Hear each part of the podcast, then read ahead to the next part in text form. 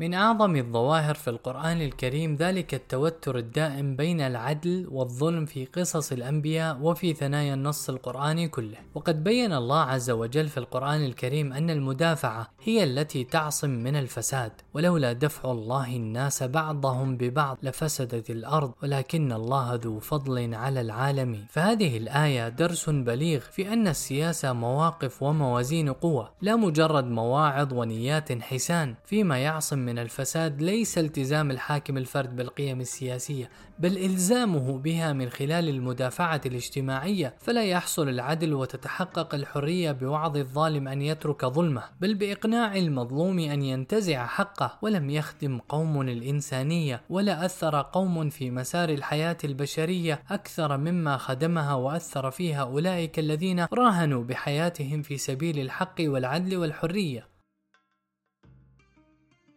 وقد ورد الترخيص في القتال في القرآن الكريم أول ما ورد ضمن الحديث عن مبدأ المدافعة، فالقتال في الإسلام مجرد أداة لتحقيق مبدأ المدافعة الضرورية لتحرير البشر وصيانة الأرض من الفساد، فالسلم مقصد من مقاصد الإسلام الكبرى ومظلة شرعية يجب على كل المؤمنين الدخول فيها والاستظلال بظلالها. يا أيها الذين آمنوا ادخلوا في السلم كافة، لكن لا سلم ولا حاجز أمام الاستبداد الفساد والفساد إلا بمدافعة. وما سوى ذلك أحلام زاهية وأقاصيص وردية لا قاعدة عملية للحياة. فلو لم يكتب الله تعالى الجهاد على العباد لقرت أعين الظالمين بخنوع المظلومين. وقد حصر الإسلام مسوغات القتال في ثلاثة أمور. أولها حق الدفاع عن النفس ورفع الظلم عنها. وهذا واضح من أولى آيتين نزلتا في الجهاد. أذن للذين يقاتلون بأنهم ظلموا. وإن الله على نصر نصرهم لقدير الذين أخرجوا من ديارهم بغير حق إلا أن يقولوا ربنا الله. وفي ختام هاتين الآيتين جاء مبدأ المدافعة مفسرا حكمة القتال في الإسلام. ولولا دفع الله الناس بعضهم ببعض لهدمت صوامع وبيع وصلوات ومساجد يذكر فيها اسم الله كثيرا. وثاني مسوغات القتال في الإسلام هو نصرة المستضعفين العاجزين عن الدفع عن أنفسهم، وما لكم لا تقاتلون في سبيل الله والمستضعفين من الرجال والنساء والولدان الذين يقولون ربنا أخرجنا من هذه القرية الظالم أهلها واجعل لنا من لدنك وليا واجعل لنا من لدنك نصيرا.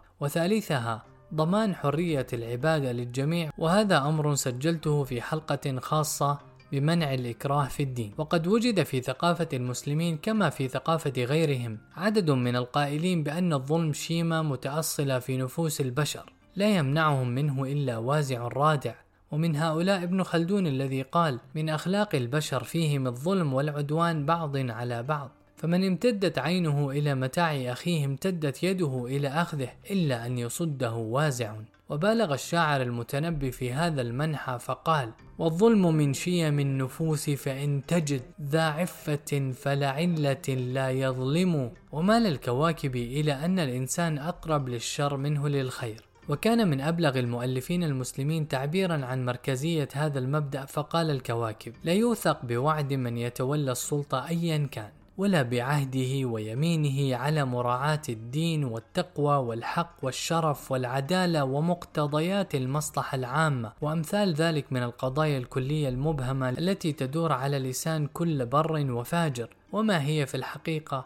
إلا كلام مبهم فارغ لأن المجرم لا يعدم تأويلا ولأن من طبيعة القوة الاعتساف ولأن القوة لا تقابل إلا بالقوة.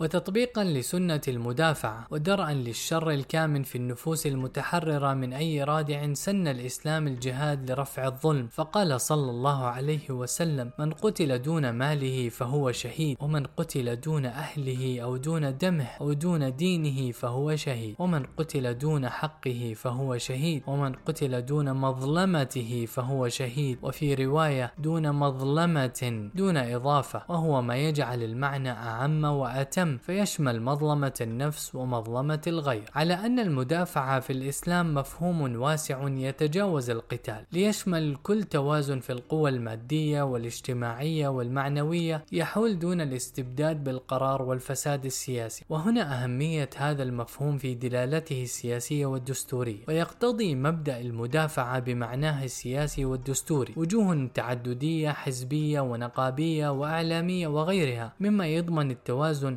ويحول دون أي استبداد بالرأي أو استفراد بالقرار في الدولة والمجتمع.